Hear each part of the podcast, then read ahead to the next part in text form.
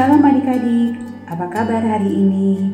Harapan tante, adik-adik selalu sehat dan sukacita dan selalu semangat untuk mendengarkan renungan firman Tuhan setiap hari. Yuk adik-adik, siapkan Alkitab kita dan sebelum kita membaca Alkitab bersama-sama, mari kita berdoa. Puji syukur kepadamu ya Tuhan Yesus, saat ini kami siap untuk merenungkan firman-Mu.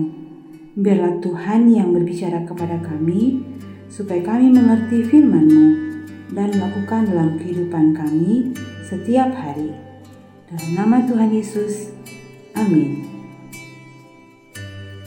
Mari kita buka Alkitab kita di kitab Kisah Para Rasul 2 ayat 1 sampai 12 di kitab Kisah Para Rasul 2 ayat 1 sampai 12. Demikian firman Tuhan.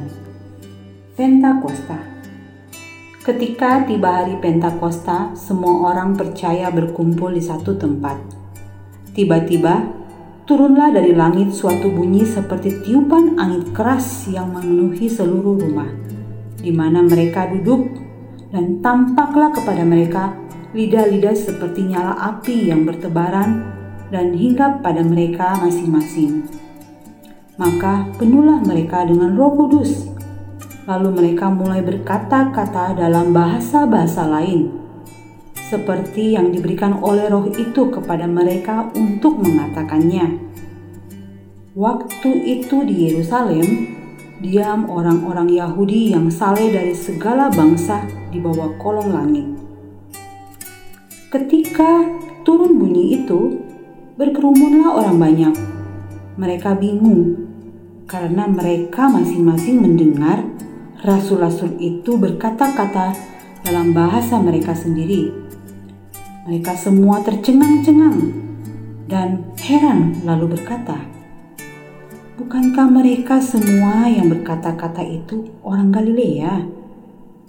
Bagaimana mungkin kita masing-masing mendengar mereka berkata-kata dalam bahasa kita sendiri, yaitu bahasa yang kita pakai di negeri asal kita.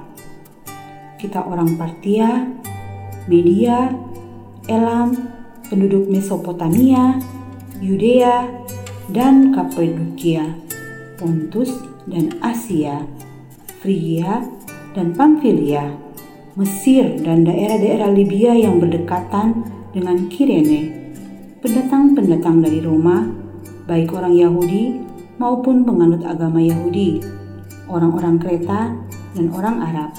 Kita mendengar mereka berkata-kata dalam bahasa kita sendiri tentang perbuatan-perbuatan besar yang dilakukan Allah.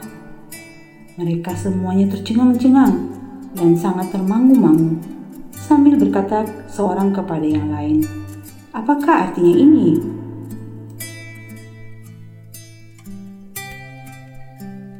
Adik-adik, tema renungan kita hari ini adalah Roh Kudus dicurahkan pada hari Pentakosta. Ayat pokok kita di Kisah Para Rasul 2 ayat 3. Dan tampaklah kepada mereka lidah-lidah seperti nyala api yang bertebaran dan hinggap pada mereka masing-masing. Telah sepuluh hari berlalu, para murid menyaksikan Tuhan Yesus naik ke surga di atas Bukit Saitun. Saat ini, di hari Pentakosta, para murid Tuhan Yesus berkumpul di suatu rumah di kota Yerusalem.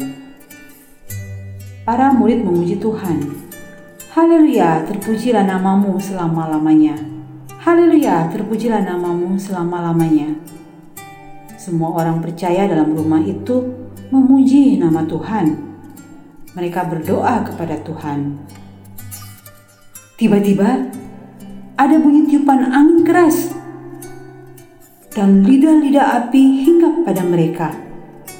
Mereka penuh dengan Roh Kudus dan mulai berkata-kata dalam bahasa lain, seperti yang diberikan Roh Kudus kepada mereka.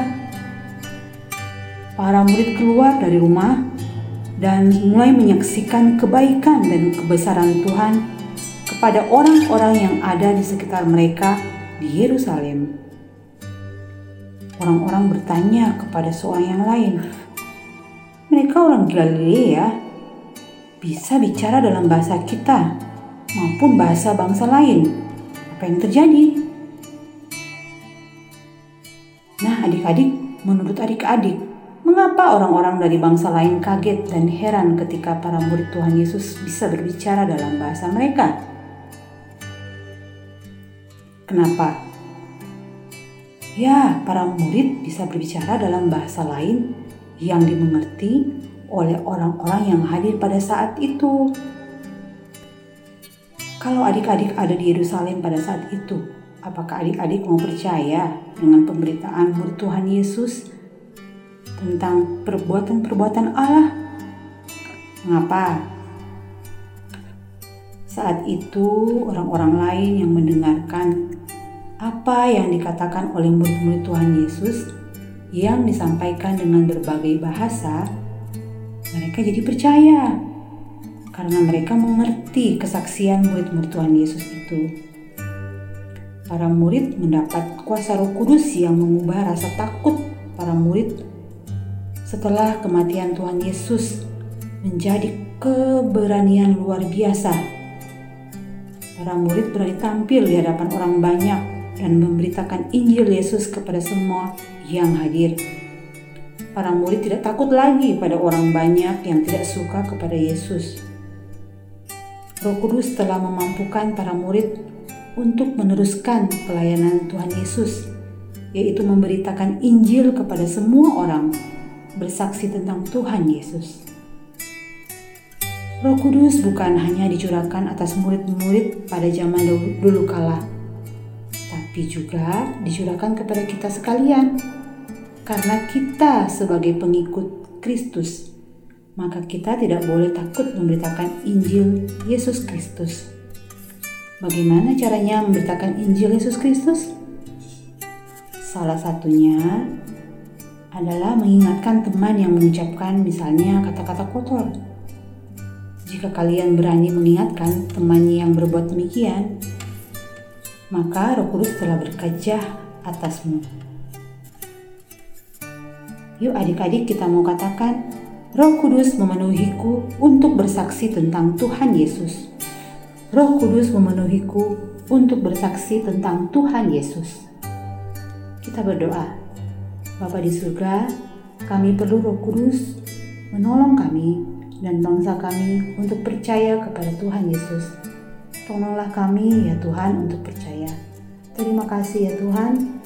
Dalam nama Tuhan Yesus, amin. Tetap setia dan semangat mendengarkan renungan firman Tuhan setiap hari adik-adik. Tetap protokol kesehatan ya. Tuhan Yesus mengasihi kita semua.